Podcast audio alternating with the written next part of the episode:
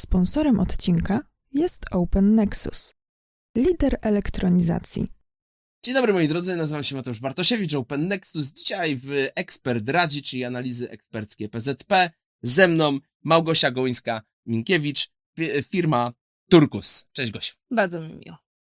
Moi drodzy, dzisiaj porozmawiamy sobie o analizie potrzeb i wymagań, czyli instytucji wewnątrz ustawy, którą wielu z Was pewnie już miało do czynienia, natomiast no, widzimy, że cały czas pojawiają się albo pytania, albo poszukiwania dróg na skróty. No i jak to jest właściwie z tą analizą? O tym właśnie yy, będzie dzisiejszy odcinek. Więc pierwsze pytanie wprost. Co to jest analiza potrzeb i wymagań? Kiedy ja w ogóle muszę myśleć o y, podejściu do, do tej analizy? Wiesz, analiza jest, e, jak sam wskazałeś, instrumentem. E, to jest pewien zbiór czynności, mm, czyli to jest jakiś proces myślowy czy analityczny, który robimy po swojej stronie, który ma nas doprowadzić do decyzji o tym, co zamówić i jak zamówić. W Mhm. ramach zamówień publicznych, tak największym uproszczeniu. E, natomiast to nie jest dokument sam w sobie. No właśnie, no właśnie. To jest zestaw analiz, a nie dokument. Ten dokument, który my widzimy jako analizę potrzeb i wymagań, który my sobie wrzucamy do akt, to jest tak naprawdę raport z analizy. To jest spisanie tego, co analizujemy, co zostało przeanalizowane, Podsumowanie Tak. procesu. podsumowanie procesu.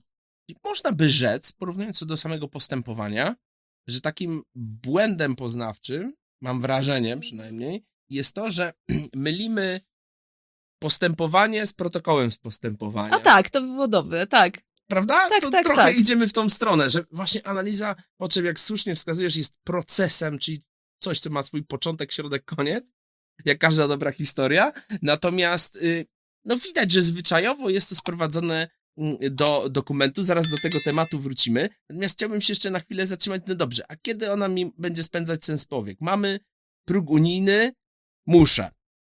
Jesteśmy zamawiającym publicznym i mamy próg unijny. E, muszę, oczywiście. E, natomiast nie muszę w e, postępowaniach krajowych. A mogę? No oczywiście, że mogę. Okej. Co więcej, ja ci powiem, że zwykle ją robisz. Super. Jak to? Ale zaraz. No przecież y, ja tam nawet do artykułu 83 nie zaglądam, Ja bo mnie nie wiem. dotyczy. Ale zobacz, jeżeli wynikiem analizy jest to, czy możesz zaspokoić potrzebę własnymi zasobami, jaka jest orientacyjna wartość zamówienia, czy dzielisz zamówienie na części i jakim trybem robisz to zamówienie, to powiedz mi, czy ty tych decyzji już nie podjąłeś przypadkiem? No właśnie. No poniekąd tak, poniekąd tak. Oczywiście, może nie przy każdym zamówieniu zastanawiam się, czy jestem sobie y, sam w stanie wyprodukować papier czy leki, ale Bo ta decyzja już została podjęta wcześniej, No wiesz? jasne. To o to chodzi. Ale jakby ten proces, który masz tutaj, ty sobie możesz tego nie uświadamiać, wiesz? Ale ty to robisz Wydaje w się- większości przypadków. że to jest chyba ten największy problem, żeby bardzo często y, podejmujemy te decyzje nieświadomie albo z automatu, przynajmniej podświadomie innymi słowy, nie, nie wiedząc, że o, za tymi decyzjami też coś stoi. Tylko dobrze jest sobie po prostu uświadomić. Tak, e, ale ustawodawca mówi coś jeszcze. Mhm. Stań i pomyśl. Zatrzymaj się. Tak. No właśnie.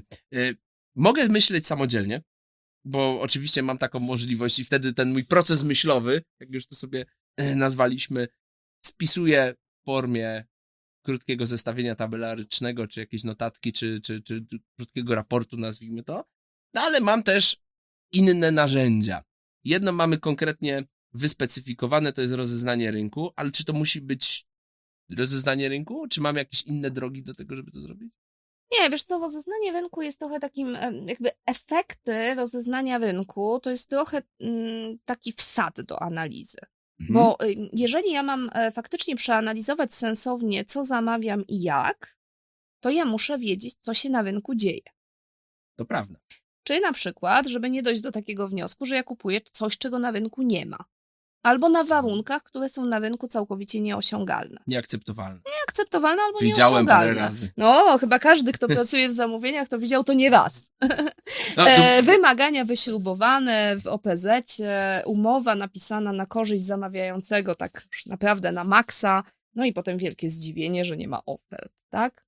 E, tak, To jest to trochę prawda. po to. To jest trochę po to, żeby sprawdzić, rozeznanie rynku nie robię znowu, żeby wypełnić jakąkolwiek formalność. Ja rozeznanie rynku robię po to, żeby zobaczyć, zweryfikować, czy to, co jest na rynku, faktycznie jest dostępne i spełnia moje potrzeby we właściwy sposób. Ale czekaj, przecież ja się boję. No jak? Ale co z wykonawcami tak rozmawiać? No to przecież nie mogę, no bo to zaraz y, jakieś wcześniejsze zaangażowanie, Trzy litery i trzy, Trzy literówki, no, no jak, jak na takie y, argumenty zamawiających reagujesz? Powiem tak, oczywiście, ja, wiesz, generalnie to ja lubię uzyskiwać informacje ze źródeł, które są najprościej dostępne. Mhm, Internet.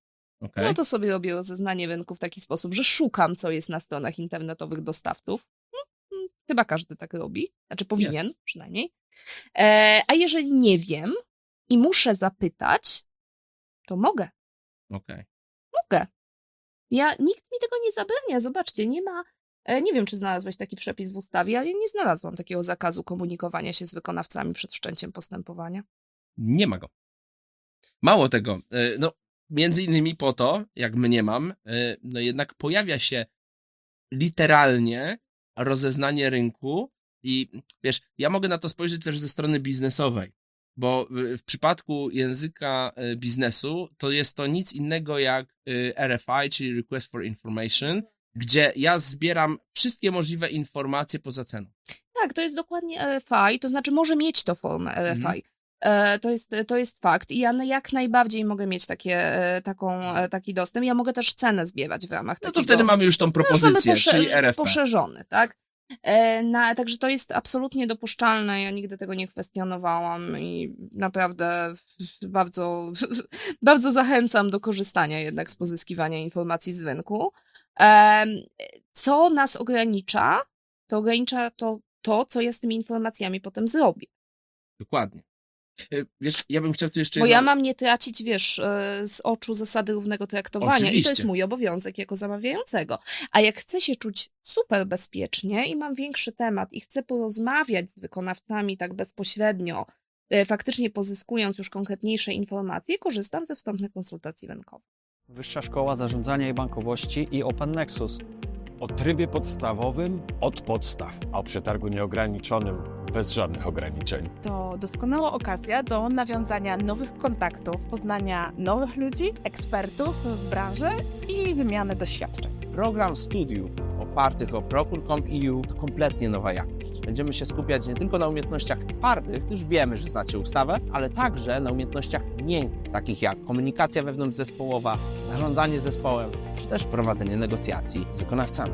Będziemy przedzierać się przez nieodkryte mgły podpisów elektronicznych, będziemy docierać do prawdy, będziemy odzierać wszelkie ksadesy, padesy i inne wymyślne stwory po to, żeby dociec do prawdy, po to, żeby zbadać podpis, po to, żeby być pewnym tego, co robimy, jak robimy i jakie decyzje podejmujemy. Interakcja z wykładowcami to to, co studenci cenią sobie najbardziej. Dlatego tak ważny dla nas jest bezpośredni kontakt z Wami, studentami.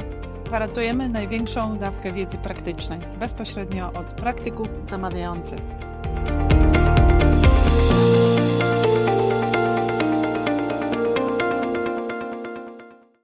Właśnie tutaj się chciałem na chwilę zatrzymać, jeszcze tak porównując właśnie do biznesu i takiego bardzo literalnego przetłumaczenia tych procesów, które znajdziemy w ustawie, to przecież w wielkim oczywiście uproszczeniu, bo są różnice, ale cały proces szacowania wartości zamówienia, proces wstępnych konsultacji rynkowych, czy proces analizy potrzeb i wymagań zawiera w sobie element rozeznania rynku, bo jak sama nazwa wskazuje, ja rozeznaję, czyli poznaję, pozyskuję informacje rynkowe. Więc tak naprawdę banie się tego y, procesu mogłoby skutkować tym, że ja nie będę w stanie oszacować żadnej inwestycji. Ale wiesz, że tak niestety się zdarza, że e, to takie zamknięcie zamawiających na to, co się dzieje na rynku, niestety, ja to niestety widzę w swojej pracy, że zdarzają się takie przypadki, kiedy te informacje nie są weryfikowane z rynkiem.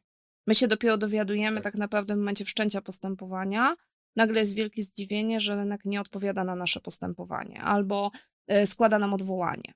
e, Albo zadaje pytania, które nam się wydają absurdalne, no bo my przecież wiemy, czego chcemy. Wiesz, to są takie przypadki, w których my znajdujemy się w naprawdę trudnych sytuacjach, właśnie przez to, że my rynku nie znamy. To, to, to w ogóle nie jest, tylko tak, żeby to było jasne.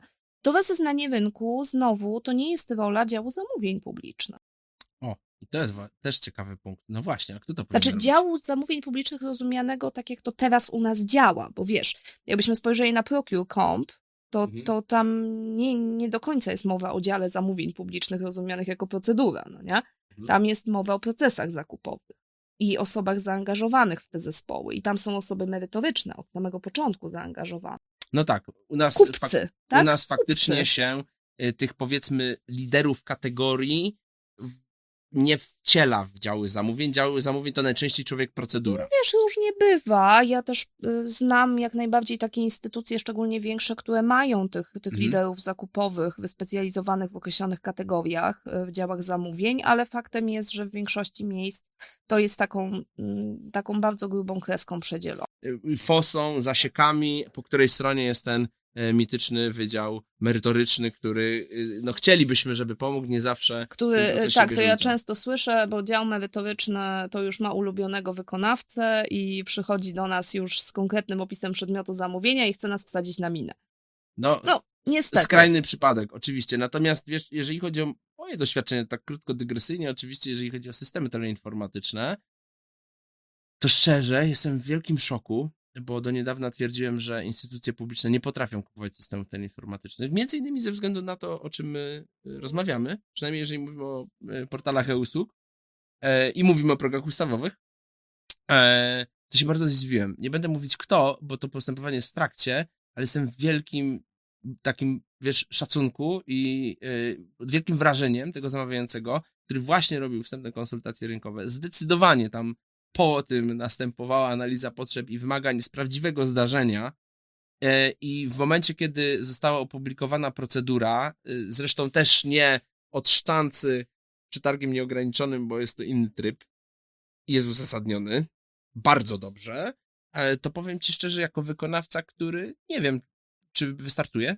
w tej procedurze, to sama ocena tego, jak zostało to postępowanie napisane, mm, zakładając, że trochę się na zamówieniach jednak znam, e, to, y, to jestem naprawdę w wielkim szoku i po prostu ta różnica jakościowa przy takim podejściu to jest przepaść. Zdecydowanie to jest przepaść. To jest przepaść, bo to jest zupełnie inna logika pracy. E, Bo mówimy tutaj, wiesz, ja mówiąc o tej fosie i tych merytorycznych, którzy tylko chcą zrobić nam krzywdę, oczywiście koloryzuję, tak? Taki przykład takiego e, czegoś, co nie powinno mieć miejsca. Po prostu. To nie powinno mieć miejsca. Nie Taki mówimy, że tak poziom- jest zawsze, Tak, ale, ale- takie przypadki są. Tak, niestety takie przypadki się zdarzają i to jest taki przykład bardzo negatywny. Em, To zasypywanie, taka, taka fosa pomiędzy działami w ogóle nie jest dobrym pomysłem. Niestety my się z nią Mhm. spotykamy dość często. Natomiast powiem Ci, że takich dobrych przykładów i takich dobrych praktyk, e, no ja mogę wymienić sporo, gdzie zamawiający naprawdę potrafi Czyli zmieniać. myślę, że zawsze do pewnego stopnia tak było, że mm, wiesz, my w 2013 roku z, u zamawiającego wykonaliśmy wstępne konsultacje rynkowe, w których uczestniczyło 22 wykonawców. E, Prowadziliśmy te konsultacje trzy tygodnie. E, Siedzieliśmy z informatykami, e, całym zespołem projektowym twardo te trzy tygodnie.